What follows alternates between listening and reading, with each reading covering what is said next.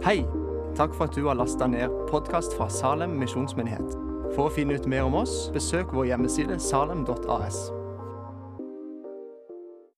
Den der litt? Grann? Nei. Den var ikke så lang ledning. God formiddag. Så fint å se dere. Det er jo Jeg vet ikke om det er lov å si det, men det må jo være kremen som kom ut på en uh, søndag som dette. Det var litt sånn uh, rufsete vær. Det må det være lov å si. Men her er vi, og vi er glad for å være her, er vi ikke det? I, på Vestlandet, der noen av oss kommer fra, der sier vi når det regner det er fint vær ute til å være inne i. sier vi. Så det er det jo. Det er fint vær ute til å være inne i. Og eh, i kveld, i, i, formiddag, så skal vi ettermiddag Det er ikke godt å holde styr på tida her nå, men det er ettermiddag, faktisk. Så skal vi eh, ta for oss et spennende tema. Eh, og det er 'Bli fylt av Ånden'. Og det som er eh, min bønn og vår bønn, for det er mange som har bedt for dette møtet her, det er det at når vi går herfra, så har vi ikke alle bare fått en klarere forståelse av hva er det for noe, det å, være fylt av Ånden. Men vi har også fått gå inn i erfaringen av det. Fordi det er jo det som uh, Skriften taler om. At det er noe som er erfaringsbasert, dette. Nå kan vi si at Hvis det er noe som kjennetegner en kristen og definerer en kristen, så er det at han og hun har Den hellige ånd. De er liksom selve definisjonen på en kristen. det. Hva er fellesnevneren for oss som tror?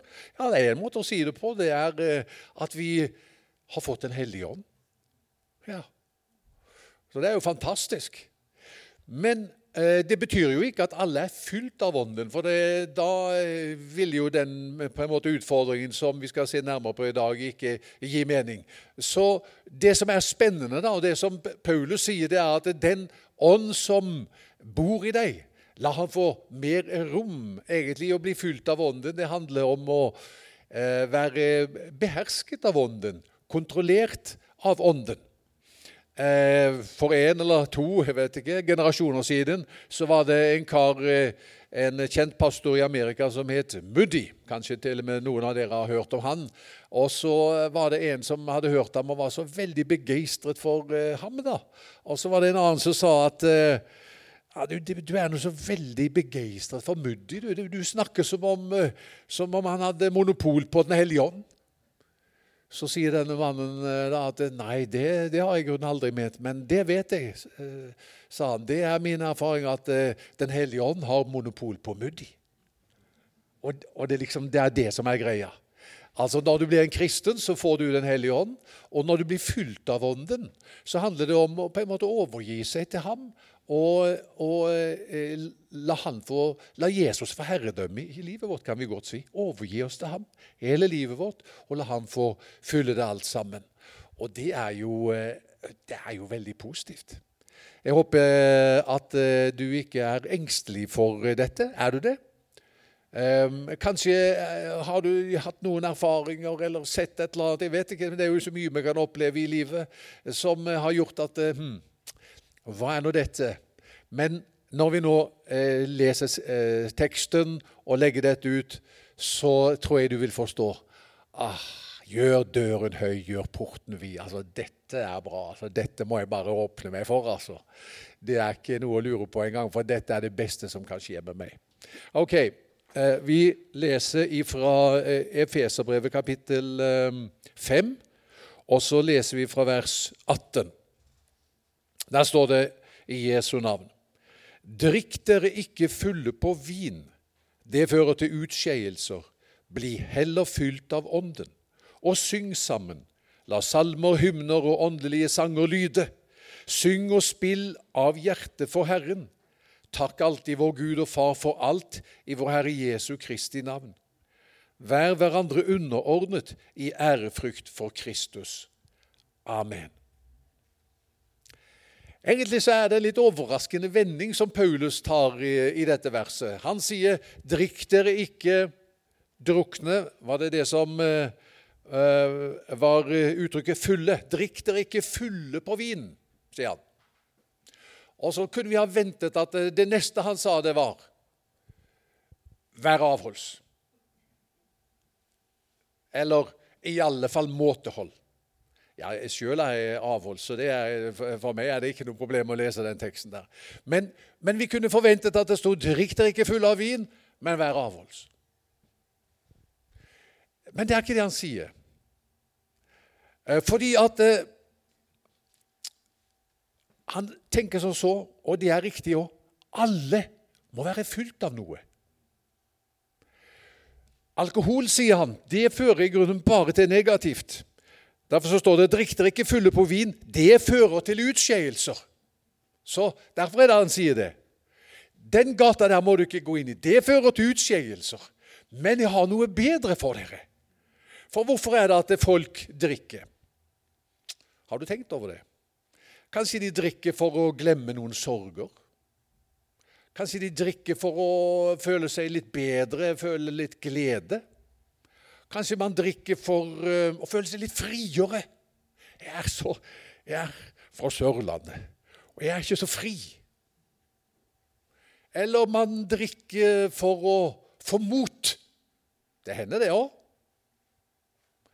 Jeg kan huske Da jeg var tenåring, eh, slutten av tenårene, så gikk jeg av og til på dans. Jeg tror jeg var faktisk på hele to skoledanser. Og da, det, da, så jeg at noen av kameratene mine, for å våge seg ut på dansegulvet, så hadde de noe på innerlomma. Det var for å bli litt modige. Så sier Paulus, den gata der, den fører ikke dit som du ønsker. Når du drikker alkohol for disse grunnene her, det fører deg ikke dit du ønsker. Jeg har noe mye bedre for deg. Bli heller fylt av Ånden. Det er det du lengter etter. Og det er det som gir deg det som eh, eh dypest sett er eh, det du er skapt til å eie og eh, ha del i. Og Nå skal vi se nærmere på dette her ut ifra en eh, grammatikalsk vinkel. Dette uttrykket her 'bli fylt av Ånden'. Jeg vet ikke om du er glad i språk. Er dere glad i språk? Ja, noen? Olav vinka til meg, han var glad i språk. Se der, det er flere faktisk som er glad i språk. Hva med grammatikk? Do you love grammatikk? Grammar? Ingen? Ofte, se det, det er noen. Da sliter jeg litt her i dag hvis dere ikke er glad i grammatikk, for nå skal det handle om grammatikk. Oi, oi, oi. Vi får se hvordan dette kan gå. Dere, dere må bare be litt ekstra for meg. Men vi skal rett og slett se litt på den grammatikalske formen av det uttrykket der 'bli heller fylt av Ånden'. skal vi se på. Og Det første som jeg vil si, da, det er at det står i imperativ. Det er kult. Imperativ, hva betyr det? Bydeform. Du er jo lærer, har vært det hele livet. Bydeform. Det betyr at eh, Gud sier til oss dette er liksom ikke sånn her, du, her, har du flere alternativer, og så kan du velge mellom ulike alternativer. Her liksom er min vilje for dere bli fylt av Ånden. Det kommer som en kommando. Det, det lyder altså i imperativ. Og eh, når det er imperativ, så er det ikke sånn å forstå at dette skal du lese som et krav, men les det som Guds iver for deg. Når Jesus talte om Ånden, så blir han altså så ivrig. Vi leser ellers at eh, han talte, satte seg ned og talte med disiplene. Men der i Johannes 7, når han taler om Ånden, så står det da ropte han faktisk. Om noen tørster, han komme til meg og drikke. Og, og, fra dens liv som tror på meg, skal det, som Skriften har sagt, renne strømmer av levende vann. Dette sa han om den ånd de skulle få, som trodde på ham. Og Hvorfor denne iveren? Jo, fordi at fruktene av å bli fulgt av Ånden, de er så gode. Det første som vi leste om her, det er bli heller fylt av Ånden og syng sammen. La salmer, hymner og åndelige sanger lyde. Her snakker vi om glede, her snakker vi om lovsang. Og jeg tenker det er vi jo skapt til. Vi er skapt til det. Vi lengter etter det. Å være glade og ha noe på innsida som eh, gjør at det, det er lett for oss å synge. Jeg leste om en undulat. Var det morsomt? Og så, var, eh, så Egentlig kanskje det handla like mye om, eh, om mora der, men, men hun støvsugde. Og så var hun så uheldig. Så når hun holdt på å støvsuge undulatburet, hva tror du skjedde? Undulaten kom inn i støvsugeren. Det var Ikke sant? Du er med! Takk skal du ha. Og det var jo litt kritisk, så hun, hun stoppa selvfølgelig støvsugeren, åpna der og spredte opp eh, støvsugerposen. Der var den. Og den var i live, men den var veldig nedstøvet. Dette er jo en støvsuger, så den var veldig nedstøvet. Så hun tenkte 'hva gjør jeg?' Den hadde aldri sett støvsugeren i så forkommen tilstand. Så hun tenkte 'jeg får ta den i dusjen'.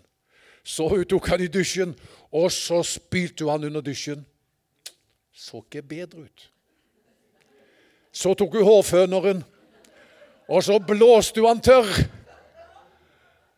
Og så, eh, så da begynte han etter hvert å få tilbake den, den andre formen, vanlige formen. Og så var det da en eh, journalist som hørte om dette, syntes det var liksom litt morsomt. Sugd inn i støvsugeren. Og så dryppende våt i dusjen, og så blåst tørr med hårfønene. Så var det en journalist som hørte dette, som ville ha et intervju. Og Da spurte hun da, hvordan går det med undulaten. Ja, Det går jo etter forholdene bra, sa hun, men, men han har helt sluttet å synge. Hva? Ja. Det er egentlig en veldig morsom historie. Men vet du hva? Det kan være litt sånn for oss òg i livet. Jeg har jo lest om eh, kullgruvene i Wales i gamle dager. Vet du hva? Da hadde de undulater eller kanarifugler med seg ned. Fordi at eh, Hvis det var farlige gasser som utviklet seg, det første som skjedde, det var at undulaten eller, eller eh, denne kanarifuglen sluttet å synge. Og da skjønte de å, han synger ikke. Vi må komme oss ut. Her er det noen farlige gasser. Så når sangen stilner og det kan den gjøre av så mange grunner. og Ikke kjenn deg fordømt hvis at du føler at sangen har stilnet i hjertet ditt. For det kan være mange grunner til det. Men jeg har gode nyheter til deg. Det er det Den hellige ånd er en glad ånd. Han er det. Det var noen som hadde vært mye i uh, sånne New Age-sirkler. Vært mye i New Age-sammenhenger. Og og så, kom denne damen inn i en kristen menighet. Så det var altså en sånn forskjell. Her var en sånn glede. Den hellige ånd er en glad ånd. Så la deg fylle av ånden, sier Paulus. Så dere eh, synger sammen, lar salmer, hymner og åndelige sanger lyde. Syng og spill av hjertet for Herren. Så det er en frukt. Og det andre, det er takknemlighet. Takk alltid vår Gud og Far for alt i vår Herre Jesu Kristi navn. Det er mange grunner til å klage. Hvis vi liksom er i det sporet. Det faller lett for oss. Vi kan klage på været. Vi kan klage på helsa. Og der er jeg litt skyldig. Du kan høre med Bente etterpå. Det hender av og til at jeg har klaget litt på Jeg har så lite energi, har det hendt jeg har sagt. Nå har jeg innrømt det for hele forsamlingen, Bente. at av og til så detter jeg i noe der. Jeg har lite energi. Og jeg er litt trøtt i dag, Bente. Hun er så tålmodig. Altså, Gratulerer med dagen, alle ektefolk, alle kvinner som har tålt å høre på mannen når han har litt lite energi. Ja, så det går an eh, for noen å være altså så havne nedi noe der som er et, et, en, en, klagegate. Det er ikke bra. Det er ikke et tegn på at du er fylt av Ånden. Og man gjør egentlig livet litt uh, mer utrivelig for andre òg. Så hva er veien til å komme ut av det? Bli fylt av Ånden. Og si alltid Gud og Faderen takk for alt i vår Herre Jesu Kristi navn. Det betyr egentlig ikke, tror jeg, da, at man skal takke for alt. Du behøver ikke takke for det onde. Du behøver ikke takke for, eh, for eh, sykdom eller for vanskelige ting som skjer. Det er ikke det det menes, tror jeg. da. Men jeg tror at det, det betyr, det takk alltid vår Gud og Far for alltid vår Herre Jesu Kristi navn. Du kan takke ham under alle omstendigheter for det han har gjort for deg. For det han har gjort for deg, det gjelder uansett. ikke sant? Han døde for mine synder. Han har stått opp igjen til min rettferdiggjørelse. Han har sendt Den hellige ånd som bor i mitt hjerte. Han har sagt 'Jeg er med dere alle dager inn til verdens ende'. Og det er sant under enhver omstendighet. Derfor er det alltid slik at du kan si 'Takk, Jesus'. Takk, Jesus, for det du har gjort for meg. Og så kan du også takke for alt som skjer i Jesu navn i livet ditt. Så der, da er det veldig mange grunner til å takke. Og så står det videre Vær hverandre underordnet i ærefrykt for Kristus. Og Når man underordner seg hverandre, så betyr det at man løfter de andre høyere enn seg selv. Ikke sant? Man setter de andre høyere. Det er lett å kritisere. Det er liksom en annen gate man kan falle ned i. Der man kritiserer andre. Men Paulus sier 'bli fylt av Ånden'. Så underordner du deg under andre, og så løfter du dem opp.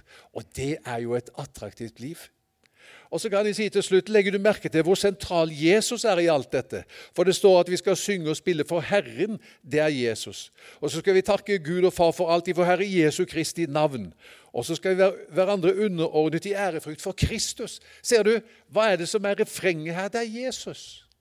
Og det som er med Den hellige ånd Den hellige ånd bringer deg Jesus.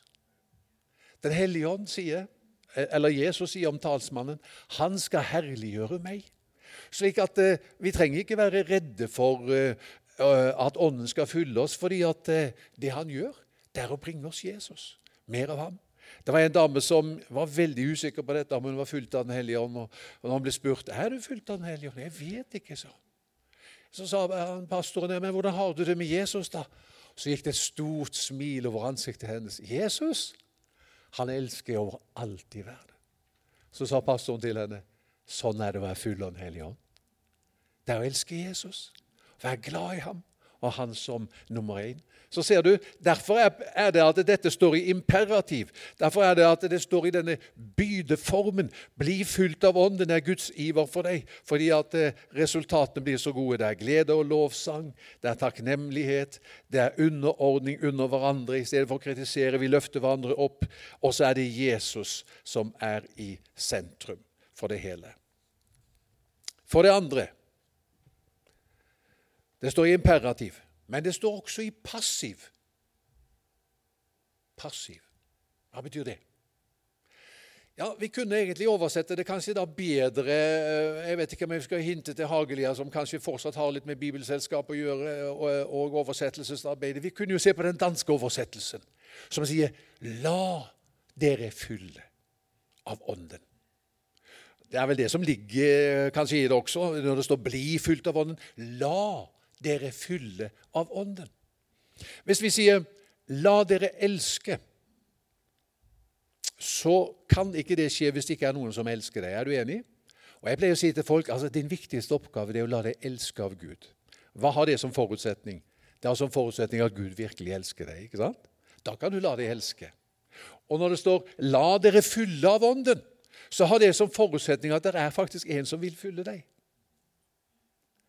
Og det eneste du skal bidra med, det er på en måte tomhet. Du må ikke legge lista veldig høyt, og så, og så må du avansere i åndelige grader. Og så kan vi tenke nå er liksom jeg i en posisjon at eh, nå kan jeg eh, bli fulgt. Nei, det du skal bidra med, det er egentlig tomhet. La han få slippe til, bare. Så enkelt. Jeg har mange ganger gledet meg over at det pinsedag skjer i kapittel 2 i Apostelens gjerninger, og ikke i kapittel 28. Hvis det hadde vært i kapittel 28 at de hadde blitt fylt av Den hellige ånd, hva vil du si da? Da tenker jeg da var det en premie. For de hadde gjort veldig mye. Eh, Paulus og hans disipler og venner ikke sant? og Peter og de andre de hadde plantet menigheter, de hadde vunnet mennesker, de hadde virkelig stått på. Og Da kunne vi tenke at eh, ja, det er ikke rart de ble fulgt av Den hellige ånd der i kapittel 28. Men det var ikke da. Det var i kapittel 2. De hadde ikke gjort noe. De hadde i grunnen ikke så mye å bidra med. Egentlig hadde de sviktet Jesus. De hadde bannet på at de, noen av dem, Peter i alle fall, at de ikke kjente ham, men de hadde flyktet ham. Bunden hadde falt ut av tilværelsen deres, og nå hadde Jesus gitt dem oppdraget om at de skulle gå ut i all verden og gjøre alle folkeslag til disipler.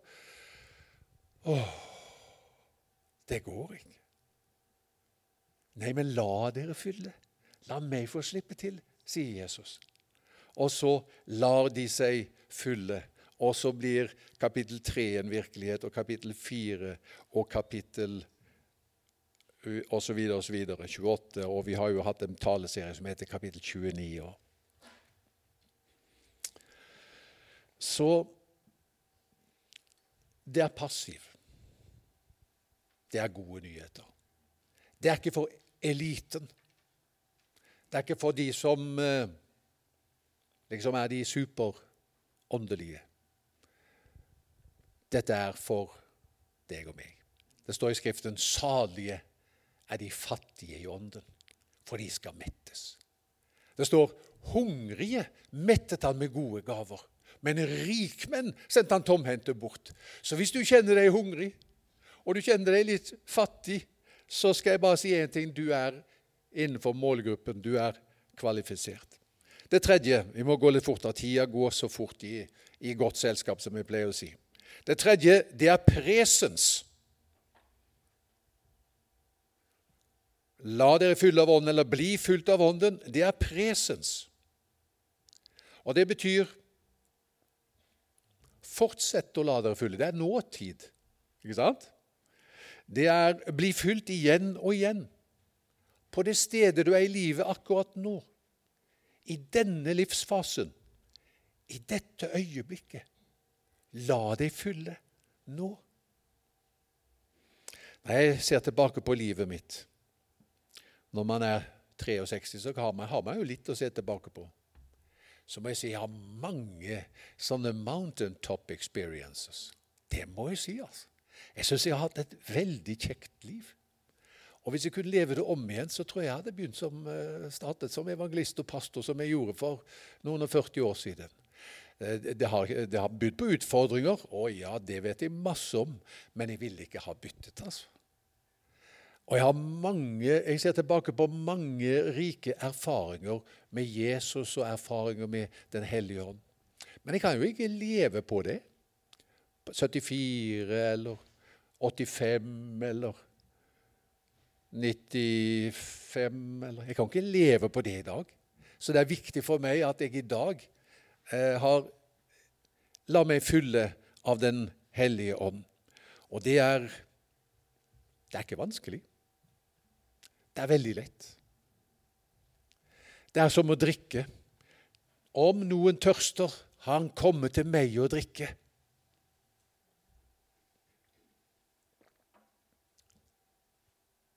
Fordi han vil. Og da er det for meg bare å ta imot. Ok, det er presens. Det siste som jeg vil si, det er at det er i flertall. La dere fylle av Ånden. Det står i flertall. Det betyr at Paulus henvender seg ikke til enkeltpersoner. Han henvender seg ikke til en og annen blant mennene og en og annen blant kvinnene.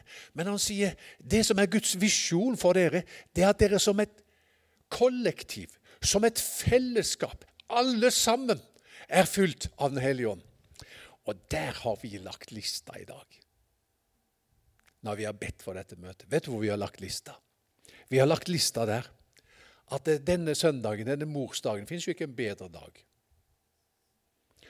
Eh, den 9. februar så har vi lagt lista der når vi har bedt for dette møtet. På det møtet der ble alle fylt av Den hellige ånd. Hm? Det hadde jo eh, Det hadde vært noe. Ja, hva leser vi nemlig? Hvordan var det når Gud presenterte menigheten sin i Apostelens gjerninger 2? Da står det da pinsedagen kom, var alle samlet på ett sted. Plutselig lød det fra himmelen som når en kraftig vind blåser, og lyden fylte huset hvor de satt. Tunger som av ild viste seg for dem, delte seg og satte seg på hver enkelt av dem.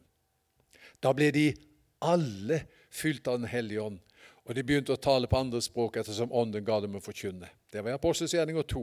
Så har vi Apostels gjerninger 10.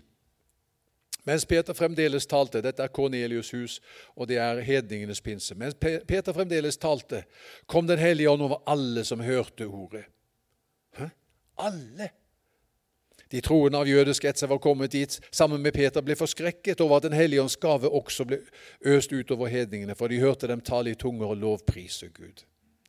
Og i Efesus, Efesus unnskyld, i Apostels gjerning 19 der var det bare tolv disipler på dette tidspunktet, men de ble straks flere. Men det står eh, da Paulus la hendene på dem, kom Den hellige ånd over dem. De talte i tunger, og de talte profetisk. Det var omkring tolv menn i alt.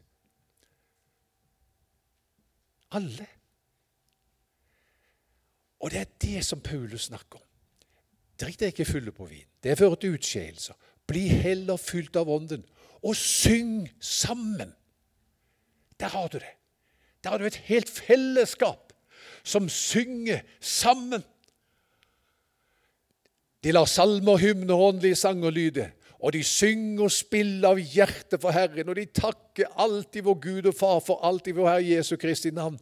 Og de underordner seg under hverandre i ærefrykt for Kristus. Hva kan skje gjennom et fellesskap som på den måten er knyttet sammen i den samme ånd. Det er hans visjon for oss. Hvordan gjør vi det da? Skal vi eh, gå til avslutning? Hvordan gjør vi det da? Jo, når det gjelder det å bli fulgt av Den hellige ånd, så tenker jeg det er noen, noen enkle ting. For det første du må ha et hjerte som ikke får Nå må du høre veldig godt etter, for nå er vi der hvor virkelig det gjelder. skal høre. For det første du må ha et hjerte som ikke fordømmer deg. Det står i 1. Johannes brev. Hvorfor det? Jo, for det står hvis vårt hjerte ikke fordømmer oss, da har vi frimodighet for Gud. Hvis vi ikke har frimodighet for Gud, så tar vi ikke be ham om noe. Men har vi frimodighet for Gud, så kan vi jo være frimodige ikke sant, og be om å bli fulgt. Hvordan får vi da et hjerte som ikke fordømmer oss? Ja, det er viktig. Hmm. Hva står i Romerbrevet 8,1? Så er det da ingen fordømmelse for den som er i Kristus Jesus. Er du i Kristus? Tror du på ham? Ja, det gjør du. Er du hans? Visst. Er du Guds barn? Ja. Er Gud din far? Ja. Jesu Guds sønns blod renser for all synd. Da kan jeg ha frimodighet for Gud. For jeg vet at Jesu Guds sønns blod har renset meg for alle mine synder. Når, man, eh, når en spedalsk var blitt frisk, og man før i tiden eh, i Det gamle testamentet skulle eh, liksom, ha en sånn, et rituale på det da, for å uttrykke noe av vedkommende blitt frisk, så gjorde de noe pussig. Så tok de blodet fra offerdyret på høyre stortå på den spedalske, på høyre tommel og høyre øreflipp. Det var liksom et symbol på at nå er hele personen ren. Blodet fra offerdyret har gjort ham ren. Så tok de olje på blodflekken på stortåa, og på blodflekken på tommelen, og på blodflekken på øret. Sånn at hvis du vil kjenne åndens kraft, så må du først kjenne blodets kraft. Og Jesu Guds sønns blod renser for all synd. Så du må ha et hjerte som ikke fordømmer deg. Det er det første. For det andre så skal du ha et bedende hjerte. For at, eh, Nå hørtes det kanskje litt skal ha, det var ikke det jeg mener, men, men et bedende hjerte er viktig. Fordi at Jesus sa dersom er dere som er onde, vet å gi barna gode gaver. Hvor mye mer skal ikke da den Far dere har i himmelen, gi dem Den hellige ånd, som ber ham? Så da ber man om det. Og det tredje, det er et troende hjerte. Hva er et troende hjerte? Jo, det er, det er, Da er vi i Galaterbrevet, der Paulus sier at eh, Hvordan var det, sier han? Fikk dere ånden ved lovgjerninger? Eller var det ved å høre og tro? Så svarer han ikke på det, men det er jo liksom, svaret er gitt. Det var ikke ved lovgjerninger. Det var ikke ved å ta seg sammen, gjøre, liksom, eh, gå noen runder i selvforbedring, og så kunne man få del i åndens liv og gjerning. Nei, det er ved å høre og tro. Et hjerte som ikke fordømmer deg, et bedende hjerte, et troende hjerte. En av de menneskene som har betydd mye for meg og Nå prøver jeg å gå inn for landing, sånn at jeg forstår. Men eh, Jeg prøvde å lande i stad, men så kjente jeg at vi må ta så flyet det lettet igjen. Har du vært med på det? Det er skudd i landet, der gikk det av igjen. Ok, men nå skal du se. Nå tar vi en liten runde, så skal du gå inn. Uh, og, og, det var Armin Gesswein. Noen av dere til og med har hørt om han. Armin Gesswein. Bønneleder for Billy Graham. Uh, har, har betydd mye for bønn egentlig verden over. Eh, Asbjørn Johansen er en mann som har oversatt eh, bøker og kjørt noe som heter College of Prayer. Armin Gesvein, flott mann. Og han lengtet sånn etter å bli fylt av Den hellige ånd, sa han. Og det skjedde ingenting. På et møte så sier Gud til ham, 'Hvordan ble du frelst, Armin?' Så sier han, 'Jeg trodde på det som står i Skriften.' Og så sa jeg, 'Takk, Jesus.' Og så visste jeg, 'Nå er jeg frelst'. Følte du noe, sa Den hellige ånd. Nei. Var følelsene avhengig av at eh, du ble et Guds barn? Nei. Jeg trodde på det du hadde sagt, at Jesu Guds sønns blod renser for all synd. Og så visste jeg nå er Guds barn. Så sier Den hellige ånd til ham, tror du det er annerledes med dette? Det er på samme måte. Du ber meg om å bli fylt av Den hellige ånd, og jeg fyller deg. Er det sånn, sa han. Så kneppet han hendene. Så sa han, 'Kjære Jesus, nå ber jeg deg, følelser eller ikke-følelser, det er underordnet, at du fyller meg med Den hellige ånd. Amen. Så sa han, 'Jeg følte ingenting, kjente ingenting, merket ingenting, men jeg visste i dette øyeblikket har han fylt meg med Den hellige ånd.' Så var møtet over, han gikk ut. Da jeg gikk ut, sa han, ble så fylt av glede og takknemlighet. Det varte i timevis. Det skulle ingen ende ta. Men når var det det skjedde at det ble fylt sånn? Var det der ute? Det skjedde der inne. Når jeg tok imot det i tro og sa takk. Er ikke dette vakkert? Ser du, dette er for oss alle. Og det er Guds visjon for Salem. Og ringvirkningen av det skal bli så store. Så nå tenker jeg at vi skal, der vi sitter, skal vi be en bønn. Og så skal vi be at han skal fylle oss. Og Opplever du at oi, dette er enda litt fremmed for meg, her, så, så, slapper du helt av. Men kjenner du at ja, jeg er med, dette, dette er jeg med på, så er du med i denne bønnen. Så skal jeg lede i den bønnen, og så er vi alle sammen med. Herre, takk for at du eh, har eh, talt til oss om din gode vilje for oss at vi skal få lov å bli fylt av Gud, av deg selv, av Den hellige ånd. Takk for de gode fruktene av det. Og det er attraktivt, og vi vil gjerne ha del i det, Jesus. Så nå kommer vi til deg, og så ber vi tillitsfullt og enkelt. Fyll meg med Den hellige ånd. Og vi ber egentlig også som et kollektiv, som et fellesskap, som menighet. Fyll oss som menighet med Den hellige ånd.